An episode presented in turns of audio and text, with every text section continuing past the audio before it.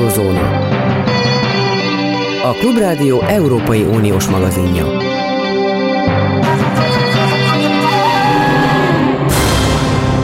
Jó napot kívánok, Zentai Péter vagyok. Első kérdésem, hogy az elmúlt 24-48 óra európai fejleményeinek főszereplője-e Magyarország. Az Európai Unió számára Magyarországnak a háttérbe szorítására tett kísérlete összefügge azzal, amit Európa Oroszország ellen folytat. Rafinált kérdés Hegedűs Dánielhez, a German Marshall nevű német-amerikai agytrözt kutatójához. Jó napot kívánok! Jó napot kívánok, Szervusz Péter, üdvözlöm a hallgatókat és köszönöm a kérdést. Úgy gondolom, hogy ha a hetet nézzük, akkor valóban eléggé meghatározó helyet foglalt el Magyarország az európai politikai napirenden és, és nyilván ugye az elmúlt hetek, hónapok során több egymásnak olykor egyébként teljes egészében ellentmondó kiszivárogtatást lehetett olvasni, hallani arról, hogy tulajdonképpen mire is számíthat a magyar kormány az Európai Bizottság részéről. A, a legújabb, legaktuálisabb és hitelesnek elfogadott kiszivárogtatás az az, hogy, a, hogy az Európai Bizottság egyébként alapvetően fenn fogja tartani a, a korábbi pozícióját, és, és nagy mennyiségű uniós forrásnak a felfüggesztésére tesz majd javaslatot hivatalosan november 30-án. Hogy ebből a szempontból mennyire motiválta a, a magyar külpolitika és a magyar külpolitikának az orosz barátsága az Európai Bizottságot, úgy gondolom, hogy közvetlenül kevéssé. Szerintem már beszélgettünk erről a kérdésről, hogy valóban például az európai tagállamoknak a magatartását az nagyon nagy mértékben befolyásolja az, hogy Magyarország igazából egy, egy biztonságpolitikai problémával vált Európában, a NATO-nak a keleti szárnyán, és és olyan politikai lépéseket folytat, ami, ami alapvetően ássa alá az Észak-Atlanti szerződés jövendő tagjainak és az Európai Unió jelenlegi tagjainak a biztonságát, itt elsősorban ugye a finn, illetve a svéd NATO csatlakozásnak a blokkolására gondolok, és a tagállamok szintjén valóban befolyásolja, hogy ők akkor milyen irányba nyomnak majd esetleg gombot december 6-án, amikor a tanácsban a potenciális magyar pénzügyi szankciókról szavaznak. Az Európai Bizottság nyilván a saját politikai döntését alapvetően a magyar antikorrupciós vállalásoknak az elemzése alapján hozta meg, és egyébként szerintem abból a szempontból itt egy kontinuitás van, hogy korábban sem láttuk jelét annak, hogy, hogy az Európai Bizottság ne szakmailag megalapozott döntéseket hozott volna. Ahol a magyar külpolitika számíthat, az az, hogy valószínűleg a bizottság is érzi, hogy egyre nagyobb esélye van annak, hogy a tagállamok egyébként aktívan támogatnak bizottság által javasolt szankciókat, vagyis, vagyis van egy olyan támogató politikai környezet, ahol a bizottságnak nem kell feltétlenül óvatoskodnia, nem fog belefutni egy olyan politikai pofonba, hogy a tagállamok nagy része esetleg elutasítja a bizottsági javaslatot. És itt valóban minden egyes konfliktusos lépése a magyar kormánynak tulajdonképpen a saját esélyeit rontja arra, hogy a magyar állam hozzáférhessen ezekhez az uniós forrásokhoz kíváncsi vagyok arra, hogy az elmúlt években, ahogy beszélgetünk folyamatosan, változott-e a véleményed arról, hogy ki a célcsoport? Hosszú éveken keresztül arra volt Magyarországon és a szakmai hozzáértők eh, által eh, előszeretettel kezelt válasz, hogy tulajdonképpen Magyarországon akarja stabilizálni a provokációival Orbán Viktor a hatalmát, és ez tulajdonképpen eh, sikeres is, hiszen ma megkérdeznénk száz magyart, abból 50 biztos azt mondaná, hogy szegény Magyarországot bántják, öncélúan gyűlöletből, és közben észre se veszik, hogy tulajdonképpen automatikusan srófolja tovább a provokációit, ami miatt megvalósul a legrosszabb forgatókönyv. Nem ez a cél valójában, hogy a legrosszabb forgatókönyv valósuljon meg? Nem magyar cél? Nem kormányzati cél? Nem tudom, hogy mi lenne a legrosszabb forgatókönyv ebben az esetben, és hogy az jó lenne egyébként a magyar kormánynak. Úgy gondolom, hogy a magyar kormányzati stabilitást és a kormánypártnak a társadalmi támogatottságát is azért alapvetően érintik a magyar gazdaságnak a számai, amik viszont nagyon nagy mértékben függnek az uniós támogatásoktól. Ezért ne felejtsük el, hogy a magyar gazdasági növekedés viszonylag kevés évben haladja meg azt a számot, amit egyébként GDP arányosan mi megkapunk az uniós költségvetésből. Tehát ugye Magyarország mindig büszke szokott lenni a, a saját növekedési számaira, de hogyha egészen egyszerűen ezekből kivonjuk az uniós átutalásoknak az értékét, akkor ez már nem egy annyira impresszív szám, mint ahogy a kormányzati kommunikációban gyakran szerepel. Nehéz lenne meghatározni a célcsoportot. Én szerintem az elmúlt években is visszatérően hangoztattam, hogy alapvetően nem kedvelem az összeesküvés elméleteket. Most viszont effektíve tényleg azt látjuk, hogy, hogy az a célcsoport, akinek a magyar külpolitika jelenleg játszik, az, az a török állam, részben az orosz állam, és, és igazából talán az a saját belső elitje, akinek valóban anyagi veszíteni valója, vagy adott esetben komoly jogi fenyegetettsége van abban a tekintetben, hogyha mondjuk Magyarországon valóban egy, egy működőképes antikorrupciós rendszer és igazságszolgáltatás kerül újra kialakulásra.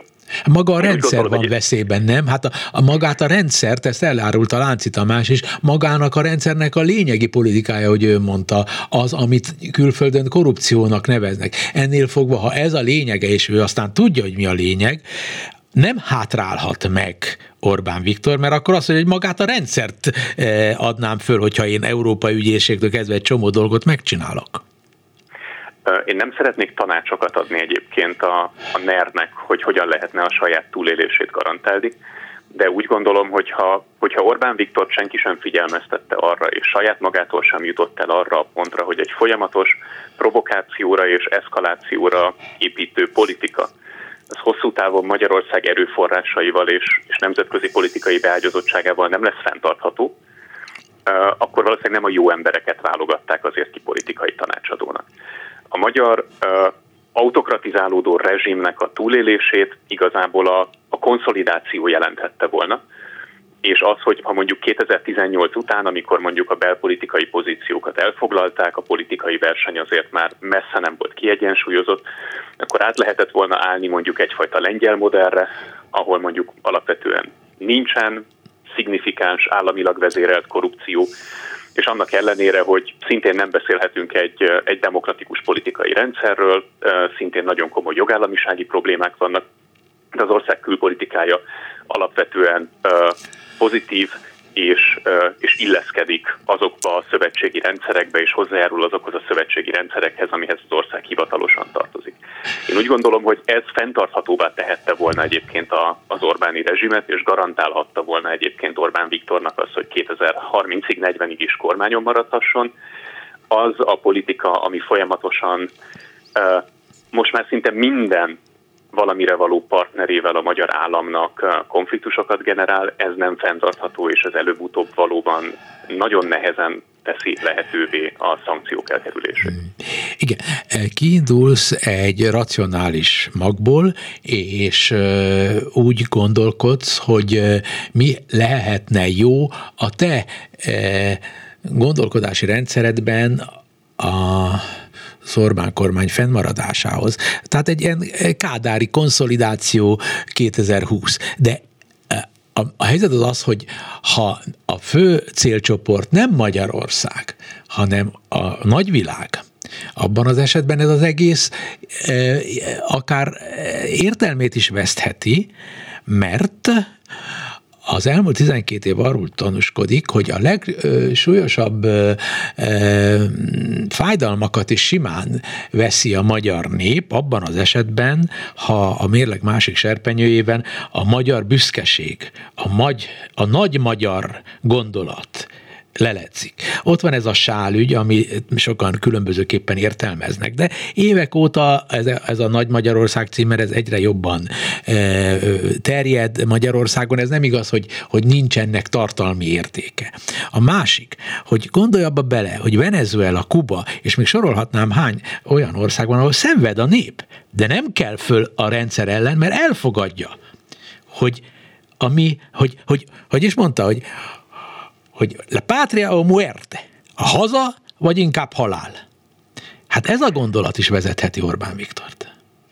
nem gondolom, hogy ez bármilyen formában egy megvalósítható politikai modell lenne Magyarországon.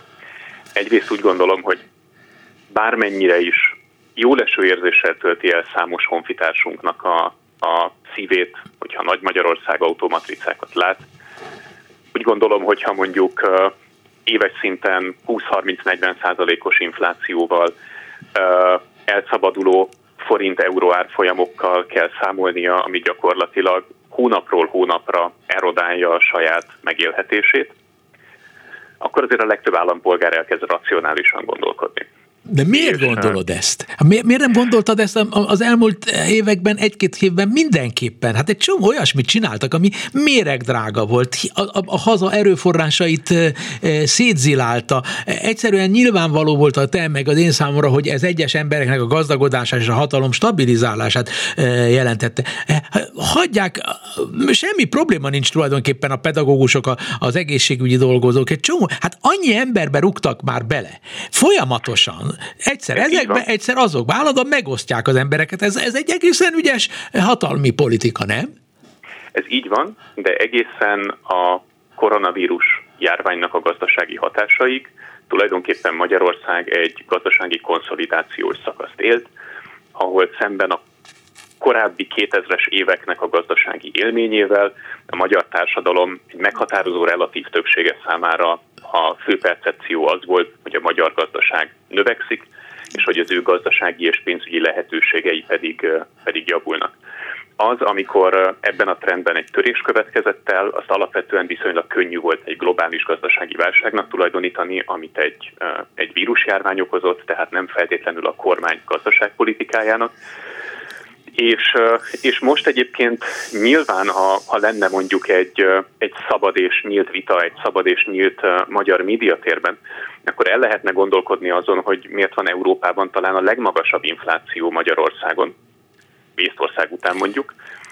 De nyilván ilyen vitára nem kerül sor, és ezáltal a kormányzati propaganda még mindig viszonylag sikeresen hiteti el a, a magyar választókkal, hogy ez szintén egy olyan gazdasági válság, aminek alapvetően amit alapvetően külső tényezők váltottak ki. Én úgy gondolom, hogy a magyar társadalomnak a politikai pacifikálásához a korai Kádár évek óta alapvetően a jóléti legitimáció az egyik meghatározó és főpont, ami nagyon nehezen kiváltható.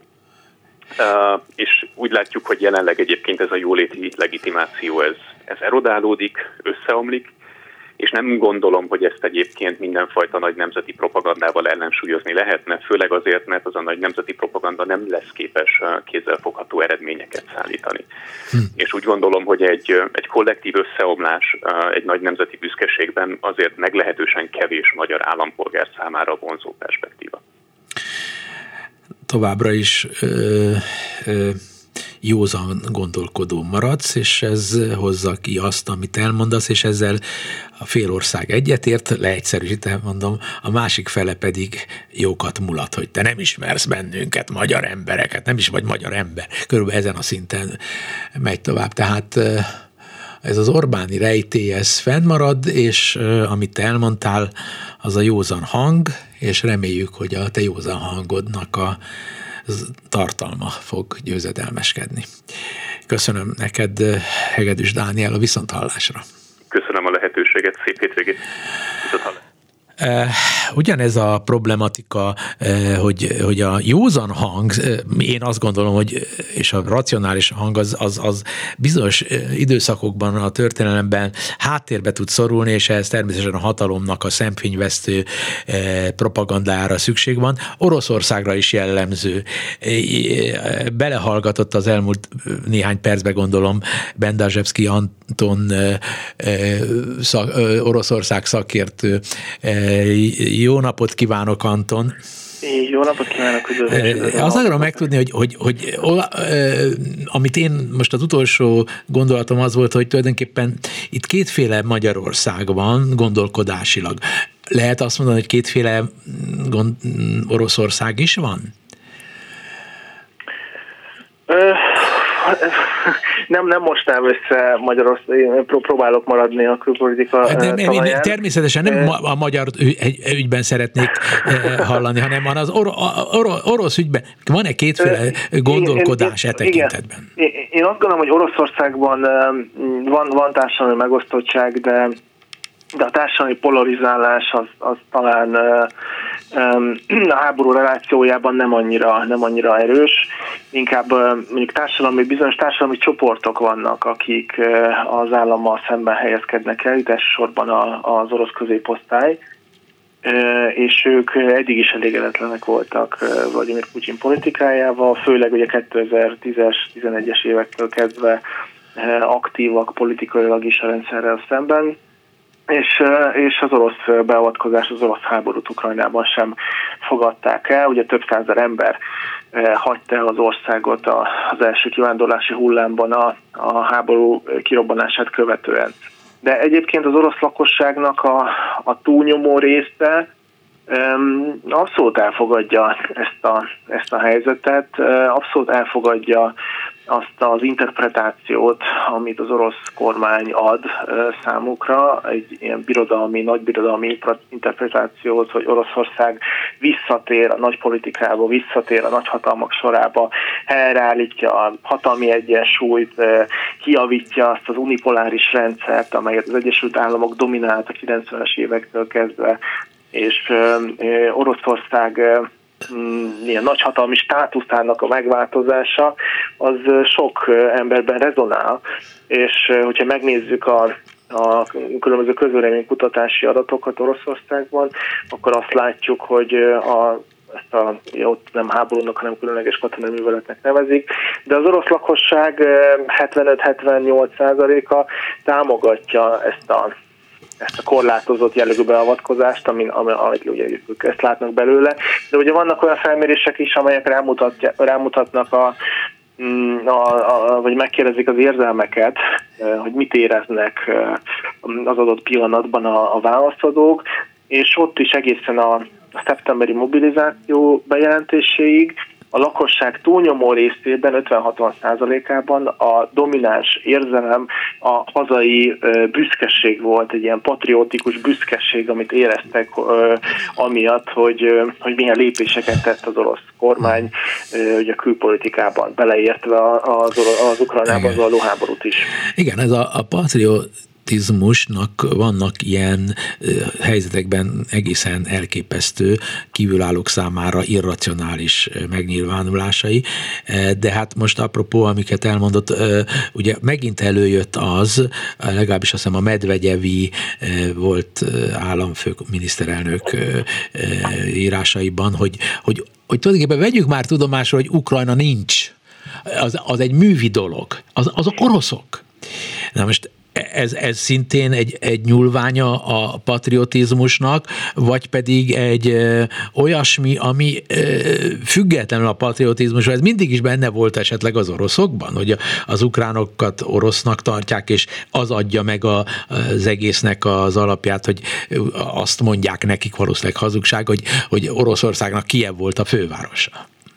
Én, én azt gondolom, hogy benne volt, benne volt, hiszen ez részben, részben az orosz birodalom korszakába is visszanyúlik, amikor 18-19. században virágzottak ezek a páncláv elméletek, páncláv irányzatok, nem csak Oroszországban egyébként, ez jellemző volt a, a balkáni régióban is, jellemző volt a közép-európai régió egy részében, hát mai Csehországban is többek között ugye, pánszlávizmus jegyében akartak egy, vagy volt egy ilyen koncepció, hogy azokat a területeket egy ilyen pánszláv birodalommá, vagy állammá, ugye az osztrák-magyar monarchián belül is volt egy ilyen kísérlet, hogy igen. a szlávokat egy, egy államba tömörítik, és Oroszország is, az orosz birodalom akkoriban ugye nagyon is pártolta ezeket a nézeteket. Természetesen ők úgy képzelték el, hogy,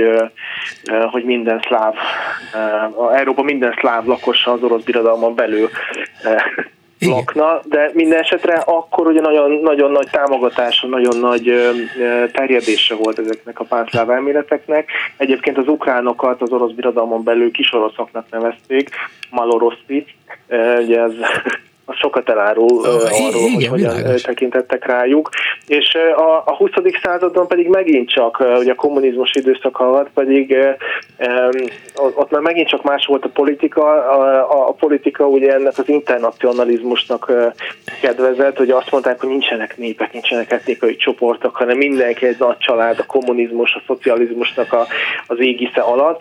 És hogy ezért történt, hogy a 30-as években ugye már a sztálini korszakban a teljes akkori ukrán és belarusz és kazak értelmiséget hát vagy bebörtönözték, vagy kivégezték, tehát azokat, akik egy ilyen nacionalistább vonalat vittek, azokat, azokat mind próbálták eltüntetni, mondván, hogy csak egy egy állam van, és egy, egy ideológiai irányzat. Igen, de ez elképesztő egyébként, micsoda irracionalitás, hogy a nacionalizmus ellen harcolunk, minek a nevében az orosz nacionalizmus nevében, de az egész annyira abszurd, hiszen gondoljunk bele, hogy mi, mi, mi megy most végbe.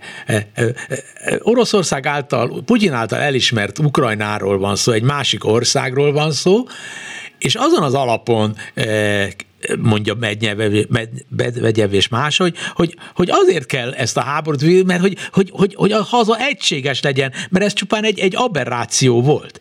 De ha ez így van, akkor tulajdonképpen ez egy precedens arra, hogy most nem akarom önt zavarba hozni, de hogy, hogy, hogy ha, milyen aberráció, hogy, hogy Erdély nem tartozik Magyarországhoz. Hát meg kell teremteni a precedenst arra, hogy lehessen. De egy csomó más európai eh, úgymond aberrált eh, eh, igazságtalan dolognak a revíziója tud eljönni, ha sikerül Oroszországnak felszámolnia így vagy úgy a független Ukrajnát én, én továbbra is próbálnék a belpolitikától és itt a régiótól távol tartani magam.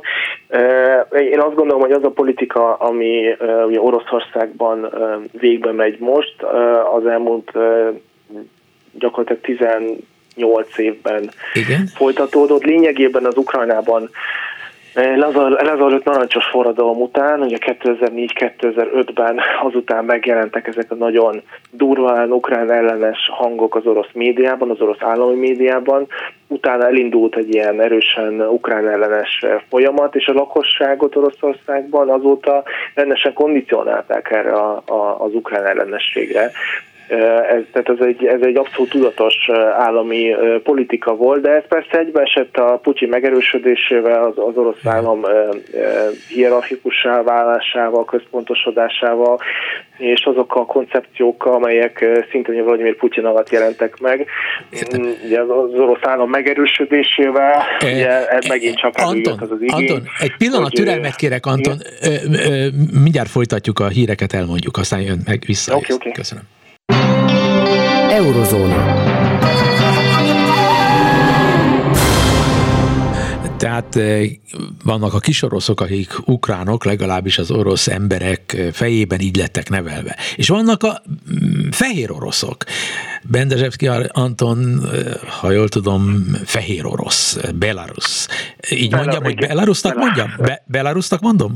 Jól mondom? Igen, igen, Belarus, Belarus, Belarus a, jó, jó, a helyes, hogy a fehér jó. orosz az, az magába hordozza ezt fajta orosz narratívát, ami még a szovjet korszakból ered. Ugye a Belarusnak a, a neve az nem nincs köze Oroszországhoz, hanem Belaja Rusz, fehér Ruszból ered, ah. de ezért a fehér Oroszország az nem egy, nem ah. egy helyes megnevezés. E, értem. Tehát ezt az oroszok is tudják, akik használják, hogy a rusz ebben az esetben nem rassziát jelent. Nem, nem, ez az orosz névben egyébként e, talán kevésbé egyértelmű, e, de ott is nagyon fontos különbség. Belarus és Bela, Belarussia ugye így, így nevezik, ugye az egyik az, az ugyanezt a fehér Oroszországot jelöli, a másik pedig a Igen. fehér ruszt, és ugye nemzetközi kapcsolatokban a Belarus a, a, a helyes Jó. elnevezés. Most az, az ön népét, nemzetét ön orosz leágazásnak tartja, vagy egy független nemzetnek, népnek, úgy, ahogy a mai ukránoknak egyre nagyobb része saját magát ukránnak tartja? kicsit, kicsit provokatív a kérdés, de hát uh, nyilván ezek önálló identitással, önálló kulturális jegyekkel, történelemmel rendelkező népek. Ha elfogadjuk azt, hogy a szláv népcsoporton, a szláv családon belül mondjuk egy bolgár, vagy egy nem tudom, egy szerb, egy cseh különbözik az orosztól, akkor miért tennénk ezt másként egy belaruszta, vagy egy ukránnal? Ugyanúgy egészen más nyelv jellemzi, és egyébként egy szláv nyelvtudása ugyanúgy meg lehet érteni a bolgár nyelvet, vagy a, vagy a lengyel nyelvet is.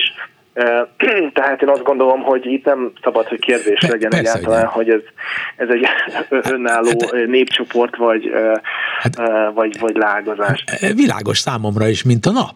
Csak azért merem ezt szóba hozni, mert nem ön, hanem az oroszoknak egy része, egy jelentős része ma már úgy tekint ukránokra, hogy ezek csak kis oroszok, vagyis a miénk, mi vagyunk. Az egésznek a, egy, egy, egy, egy szellemi, erkölcsi valamilyen alapja annak, amit ott még háborúnak sem neveznek. Azért nem nevezik háborúnak, mert saját magunk ellen nem háborúzunk. Körülbelül ez a, a leegyszerűsített lefordítás annak, hogy speciális műveletek, vagy nem tudom micsoda. De, de ha, magu, ha ma az ön népe fölkelne, és vagy az elmúlt időszakban, amikor még a háború előtt volt, és ma már nincs, legalábbis nem tudunk róla, hogy, hogy protestálások, százezrek protestálnak a rendszer ellen, abban az esetben előfordulhatott volna, volt esélye, hogy magukat is azt mondják, hogy mi, mit ugrálnak ezek? Ezek mi vagyunk? Hát hogy merészelnek velünk szembeszállni? Körülbelül ugyanez megtörténhetett volna. Valószínűleg nem ment volna bele katonai erő Oroszországban, mert a Lukashenko Lukashenko. Ön hogy gondolja Lukasenka, ezt? Lukasenka, Lukasenka a helyes. Bocsánat, Lukasenka, bocsánat. ő pedig az a pedig Oroszország. Jó, Lukasenka. Szóval, ön hogy látja azt, hogy most ez, a, ez az ország szövetséges ország, és ha igen, akkor mennyire szoros szövetséges? Csupán politikai szövetséges, vagy valamilyen nagyszláv gondolatnak is a híveként aktivizálta magát Ukrajna ellenében, az or, pontosabban Ukrajna ellenében és az oroszok legjobb szövetségeseként? Egy gyors gondolatot visszatérnék itt a kis orosz, nagy orosz problematikára. Nyilván orosz lakosként az állami propaganda hatására egyébként egy nagyon kellemes helyzet az azt gondolni, hogy mi vagyunk a, a nagy nép, és mindenki más pedig csak belőlünk, mert ugye ez a narratíva, belőlünk származik, belőlünk ered, csak egy lágazás egyébként is az orosz birodalom részei voltak, stb. stb. Ez egy mondjuk egy, az egyén szintjén, ez egy, ez egy nagyon, nagyon kellemes helyzet, amikor azt gondolom, hogy én egy nagy birodalom része vagyok, egy nagy népnek a része vagyok, amely, amelyből mindenki más csak úgymond származik, csak egy járulékos. Tehát ez, ez abszolút el tudom fogadni, hogy ezt nem is elfogadni, meg tudom érteni, hogy ez, ezek a gondolatok miért rezonálnak egyébként a, az oroszok nagy részében. És akkor az, az a másik kérdésre, hogy a, a Belarusra, hát ez egy, ez egy ilyen kétszerű szövetség, Ugye Luka, sajnos az elmúlt 30, közel 30 év politikája Alexander Lukasenka személye köré van csoportosítva, vagy van rendezve, hogy a Lukasenka 94 óta most már 28 éve van hatalmon, és számára a legfontosabb politikai motívum, politikai folyamat az, hogy ő hatalmon maradjon. Minden ennek van alárendelve. Egyébként ugye érdekes, hogy Ukrajnával szemben, például Belarusban nem alakultak ki ilyen oligarcha csoportok, nincsenek politikai elitek. Lukasenka ilyen szempontból nagyon ügyesen rendezte a belpolitikai viszonyokat, minden teljes mértékben neki van alárendelve, beleértve a szilovik ugye biztonsági szerveket, a katonaságot, a rendőrséget, ugye nem véletlen, hogy sajnos hát ugye kudarcot vallottak a Belarusban a, a, a büntetések 2020 után, pedig hónapokig több százezer ember részvételével tartó tüntetések nem vezettek eredményre egyszerűen azért, mert Lukasenka mindent, ugye mindent az ellenőrzés alatt tart.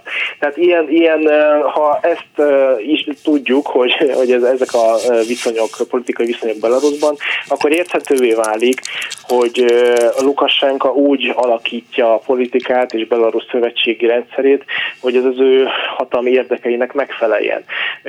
Ugye egészen 2020-ig volt egy nagyon erőteljes hintapolitika Belarusban, amikor próbált hogy kokettált a, a nyugati államokkal, kokettált az Európai Unióval, hogy részt vettek a kelti partnerség programban is, és az európai pénzért fejében bizonyos demokratikus engedményeket is ígértek, ami aztán inkább csak illúziónak bizonyult. És közben ugye az orosz igényeknek, az orosz kérése nem feltétlenül tesz eleget, tehát Belarus, ugye ez egy kiemelem, mind a mai napig nem ismerte a Krímfélszigetet orosz területként.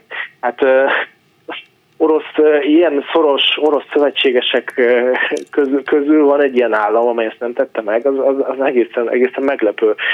Vagy nem ismerte mondjuk Abháziát, vagy, vagy, vagy Oszéti.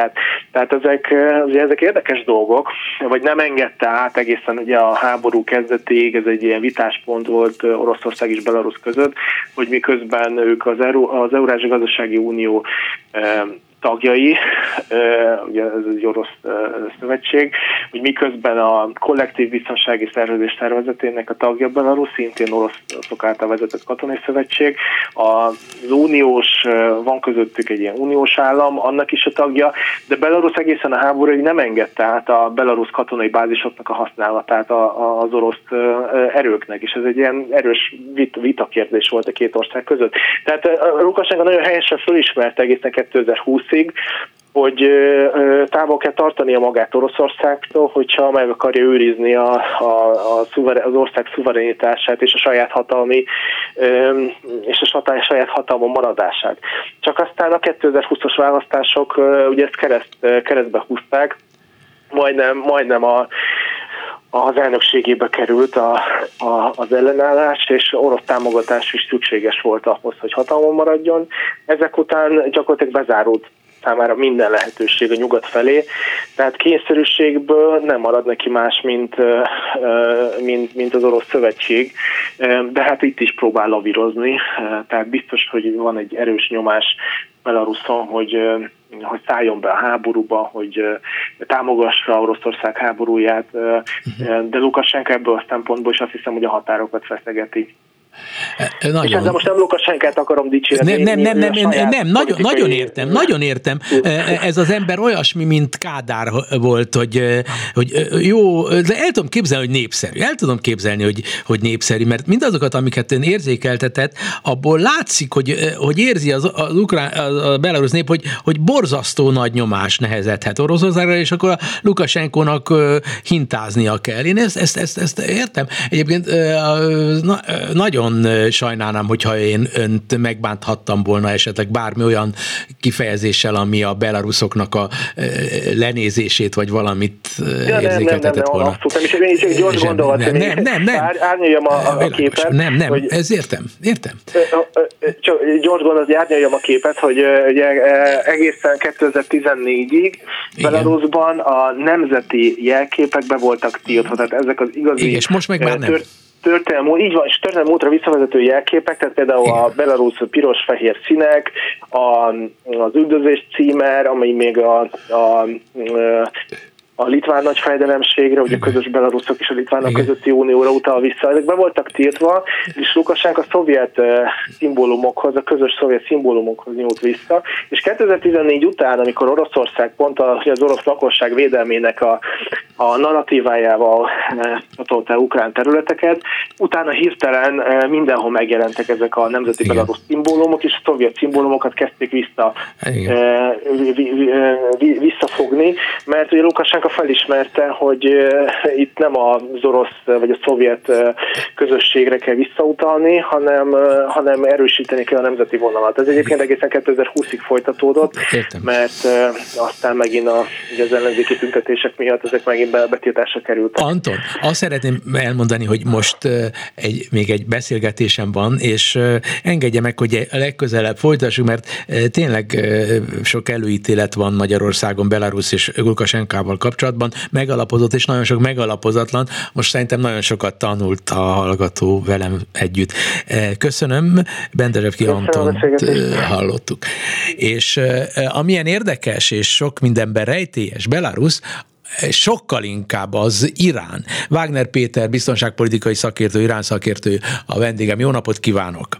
Jó napot kívánok! E, ugye a világbajnokságon e, ma éppen e, énekelték a himnusz az iráni játékosok, viszont lehajtott fejjel, szomorúan, és mutatták a nézők iráni szurkolókat, akikre az arcára volt írva, hogy, hogy nem szeretik ezt a Ayatollah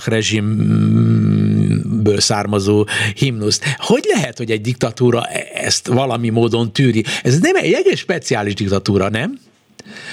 Így van, így van, ez egy, ez egy egész speciális uh, diktatúra, még nem is tudom, hogy, hogy ebben a, amit általában mi diktatúraként szoktunk azonosítani magunkban itt a, a sztálini rezsimek után, ez, ez valójában egy, egy olyan diktatúra, mert, mert valahogy mindig 1979 óta azért egy sokáig hatalmas tömegtámogatottsága volt, és, és azért még mindig megvannak azok a csatornák, amelyek a, az irányi társadalom egyes vidéki, konzervatív rétegeit becsatornázzák ebbe a rezsimbe. De most tulajdonképpen ez a rezsim azáltal tartja fönn magát, hogy ilyen népi populizmus a fő jellemzője, hogy vallási elkötelezettségű, széles népi, főleg vidéki tömegeket tud megszólítani egyfajta nacionalista keverékkel, és eközben épít egy ilyen maffia rezsimet is a, a, a mullák tulajdonképpen az ottani oligarchák. Tehát nagyjából jól írom le ezt a dolgot, és hogy, hogy a, az ellenzék az egy ilyen nagyvárosi, világi nevelésű, neveltetésű világra kíváncsi, akár nem is csekély tömeg? Szerintem, szerintem egész, egész jó ez a leírás. Én a, az oligarchák részt kihagynám ebből, tehát nyilván ott is vannak meggazdagodott emberek, meg befolyásos emberek, de nem jellemző ez a fajta oligarchikus berendezkedés, mondjuk, amit az orosz, Oroszországban látunk, vagy amit a, a poszt országok némelyikében látunk, mert azért a, az iráni iszlám köztársaságnak mindig is 1979 óta mindig volt egy ilyen erősen furcsa hangzik, balos populista hangulata, ami, ami arról szólt, hogy ebben a rettentő szegény országban a, a, rászorulókat, a veteránokat, a, az irakiráni háború hőseit, az árvákat az iráni rezsim támogatja, ami részben egyébként a, a síta egyháznak a, a tevékenységéből fakad, tehát ez, ez onnan jön, és ezért rengeteg szociális kedvezmény, rengeteg támogatás, van ezeknek a, ezeknek a rétegeknek biztosítva. Uh-huh. De az, és mellettük, az... bocsánat, hát nyilván van, tehát ugye ekközben, ahogy Irán fejlődött, a városi urbanizált réteg egyre szélesebb lett, tehát ha iráni valahol beszélhetünk középosztályról, akkor, akkor a közel-keleten, akkor, akkor Irán mindenképpen a, az egyik ilyen ország. Ugye pont az iráni iszlám köztársaság volt az, aki a közoktatás, az egyetemi oktatás terén hatalmas előrelépéseket tett, mint bármilyen szocialista ország 1945 után, és ugye azt mindig el szoktuk mondani, hogy az iráni egyetemeken a, a, a nők aránya az, az, az meghaladja az 50 százalékot. Tehát ahogy így a, a társadalmi progresszió, a modernitás, amit, amit tudom, tipikusan az iszlámmal nem szoktunk azonosítani, tehát ettől is egy ilyen komplex rezsim ez az iráni iszlám köztársaság, haladt előre, ugye egyszer, mint ki is termelte azt a réteget, amelyik, amelyik hosszú távon ellenezni vagy megkérdőjelezni fogja ennek az iszlám köztársaságnak az alapja. Igen, benne van a levegőben a fenntarthatatlanság egyre inkább, de itt és most, vagy ott és most azért mégiscsak látjuk, hogy nem tud mit kezdeni már a rezsim azzal, hogy a nők mernek nyíltan megszabadulni a kötelezővé tett fejkendőtől, nem hordanak hijabot, és így tovább. A másik, hogy, hogy egyre, egyre, egyre szabadosabbak. És én egyszer voltam régebben Iránban, még ebben a rezsimben természetesen, és már akkor egyszer röhögtem az egészen, hogy azzal fogadtak, hogy ez egy százszázalékos diktatúra, és mindenki elmondta nekem, hogy százszázalékos diktatúra, és, és nem féltek attól, hogy én majd jelentést írok. A másik, hogy megkérdezte tőlem egy 16 éves gyerek, hogy a, a, a, éppen ilyen amerikai kördeszkázott, meg amerikai sapkában volt, tehát miközben az egész rendszer Amerika ellenes alapokon, hogy, hogy tessék mondani, mikor tetszenek már bombázni bennünket? Tehát az egész olyan, mint amilyen az én fiatal koromban a Kádár időszakban, hogy, hogy egyidejűleg ott van egy diktatúra, formálisan, de a másik oldalon összekacsintások, és, és mernek szabadon pofázni, ahogy a 70-es években is mertek Magyarországon szabadon beszélni. Így van, nekem is hasonló, hasonló élményeim voltak a, a korábbi iráni látogatásaimban, mondjuk kiegészítve azzal, hogy ekközben iráni fiatalok tízezrei vagy százezrei mennek külföldre, főleg nyugatra. És szabad tanulni. menniük. Esik? És mehetnek is. Így van, és, és hát ez fantasztikus. Ez a, ez a diktatúráknak ez a, ez a zártsága, vagy bezárkózása, ez, ez, ez sem jellemző rájuk, és tehát ezt, ezt úgy tudnám mondani, hogy, hogy bizonyos keretek között Iránban sokáig megengedett volt például a, a politikai vita, a, a társadalmi vita, a filozófiai vita. Irán volt az szinte az egyetlen országa a közel-keleten, ahol, ahol bármilyen jelentős nyugati gondolkodó politikusnak a könyvét Noah Chomsky-tól Bill Clintonig lefordították iránira, és akkor azt ott mindenki megvette a könyvesboltba, perzsa nyelven, ha erre neki, erre neki igénye volt. De, de valahogy én azt érzem, hogy tehát ahogy ezek a kihívások erősödnek, vagy növekednek, vagy feszítik szét iránt, úgy válik egyre kevésbé rugalmassá a rezsim, és ugye ezek a tüntetések, amiket most is látunk, ezek azért négy-öt évente kitörnek, megjelennek Iránban. Ugye volt egyszer 2009-ben, volt egyszer, jól emlékszem, 2019-ben, de lehet, hogy a kettő között is volt. Tehát ezek a feszültségek, ezek időről időre felszínre törnek, és talán, talán mondhatom azt, hogy ez, amit, ez, amit most látunk, most talán ez a ez, ez még ezt tart a legtovább, és talán ez az, ami, ami a legkiterjedtebb az ország részén. Tényleg az egész országban vannak tüntetések. Igen, de, de hogy, hogy, hogy lehet, mert a, a, a kádári diktatúrának és minden ilyen fél, meg ilyen összekacsintós diktatúrának az a lényege, hogy idáig nem engedi el a dolgokat. És a másik, hogy, hogy a, a más népek nem ilyen bátrak. Tehát azért nincs szolidaritás olyan fokon, lehet, hogy a franciáknál, mibe kerül nekük, mibe kerül nekik, azok nem diktatúrák, lehet szolidaritás. De már Kelet-Európa egyes országaiban, Közép-Európában, nem, nem egész közel mondhatnám itt is, nincs meg a, a, a szolidaritás, mert az emberek félnek attól, hogy csatlakozzanak valamihez, amiből nekik bajuk lehet. De hát ott, ott hogy mernék, hogy mernek, e, megmerik ezt csinálni? Hát ez, ez elképesztő. Miközben, miközben a, a, a, a, megöltek embereket a, a a, a, tüntetősek résztvevői közül. Mi, ez egy egészen különleges nép, vagy nem értem? Hát, persze, minden nép különleges, de ugye itt, itt azért van egy, egy erős kulturális hagyomány, a, a mártiromságnak a, a, a szokása. Nyilván az embereknek az élethez meg a halálhoz való viszonya is azért teljesen más, mint a nyugati De ezek éppenséggel életimádók, akik tüntetnek, azok éppen az, az, az, a szabad életet akarják, azok nem öngyilkos hajlamúnak látszanak. Igen, nem, nem öngyilkos hajlamúak, de egyszerűen tehát azért Európának is volt egy olyan korszak, amikor az emberek a szabadságért hajlandóak voltak az életüket adni, Aha. és kimenni. Tehát azért az, ami, ami szerintem Európában van, jó, nyilván itt ugye nem lőnek a tömegbe a rendőrök sehol, de azért volt olyan korszaka, amikor, amikor lőttek, és amikor magának a szabadságnak olyan értéke, olyan ideája volt, hogy az emberek ezért egész sok mindenre hajlandóak voltak. Most nyilván az a fajta társadalmi jólét, ami elkényelmesíti az embereket. Az ugye egyrészt azért nincs jelen Iránban, az a fogyasztói kultúra, fogyasztói társadalom, másrészt pedig hát a szabadság bizonyos tekintetben sokkal inkább korlátozva van Iránban, mint, mint bárhol Európában. De, de hogy lehetne egy diktatúra olyan diktatúra, amelyik egyrészt, vagy ez létezik, ez Irán, hogy, hogy belelőnek a tüntető tömegbe, de kapnak útlevelet. Hát az én fiatalomkorban én nem kap, a legtöbb kortársam nem kapott útlevelet, mi nem tudtunk elmenni Ausztriába. E, e, nem tudom, hogy tudja-e, hogy ez így volt. Tehát az egész egy ilyen hasraütésszerűen ment, hogy kit számít na, igazi ellenségnek, és ki az, akit megtűrünk.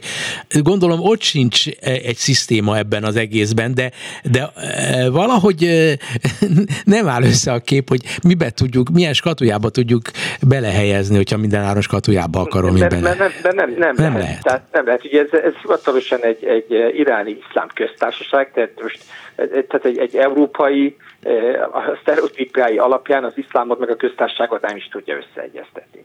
Az, ar, az arab országokat a, meg, az arab országok olyanok, amilyenek. Ott az, az, az egyetlen arab országban nem lehetne megcsinálni, amit Iránban megcsinálnak. De azok általában szekulárisak. Tehát ott ugye az iszlámot nem keverik bele ebbe. Hát némely arab országban belekeverik, Szaudarábiában belekeverik, és a, De az, az egész... A, az, egy, az egy monarchia, az egy királyság. Ja, igen. Az, most az. arról van hogy az iszlám, mint vallás, és a köztársaság, mint két fogalom hogyan egyeztethető össze. Az arab világban vannak köztársaságok, amelyek persze valóságban diktatúrák, de azok szekulárisak. Tehát az ott az iszlám ki van véve a képletből. Vannak az öböl monarchiáink, amik viszont monarchiák. Tehát nem állítják magukról, hogy, hogy ott a szekularizált, szekuláris világlátásnak bármilyen érdemi, hivatalosan elismert szempontja lenne, ott nyilván az iszlám a hatalom fenntartásának az egyik fontos pillére, mert ott nem választják az uralkodót. Az uralkodót valamiből legitimitást kell meríteni, és az egyik forrása neki olyankor ott az iszlám. Hm. Iránban ez a kettő megvan együtt, ugye, mert a, a, a hatalmi hierarchia csúcsán a síta egyház egyik vezetője van, de van választás, van parlament van egy parlament, van egy kormány, és a kormány valamennyire felelős a parlamentnek, tehát nem tud attól teljesen függetlenül működni, úgy, hogy az arab országokban. És négy évente az irániak több-kevesebb sikerrel, vagy szabadsággal, de levezetik a politikai feszültséget azzal, hogy, hogy szavaznak. Nyilván a, a választások is olyanok, a választások is olyanok, hogy a keretet, hogy nem bomlasszuk fel, nem változtatjuk meg az iráni iszlám köztársaság berendezkedését, azt mindenkinek kvázi el kell fogadnia, de azon belül a politikai nézetek, az állam szerepének, a külpolitikának az iránya az, az, a, az a vitatárgya, és akkor azon keresztül indulhatnak a jelentek. Csak ugye azt láttuk mondjuk az elmúlt tíz évben, hogy idáig ezek a választások úgy viszonylag, viszonylag mutatták az iráni közélemény szimpátiáját, vagy attitűdjeit, de amikor, amikor ez az attitűd már eltér, eltért a felső hatalmi vezetésnek a, a pélt helyes irányvonalától, ugye akkor beavatkoztak, manipulálták ezeket a választásokat, akkor azok is tüntetésekhez, tömegtüntetésekhez vezettek. Igen, de ehhez, ehhez valamiféle civil, nagyon fejlett civil kurázsira van szükség, és azt gondolná az ember, hogy ugye 79 óta van ez a rezsim, hogy az alatt olyan generációk nőttek föl, akik ezt a dolgot már megszokták, ahogy megint vissza kell térnem a kádári rendszerhez, hogy akik ott, ott abban szocializálódtak, azok, azok zsigerekben érezik, hogy hol vannak a határok a legtöbben.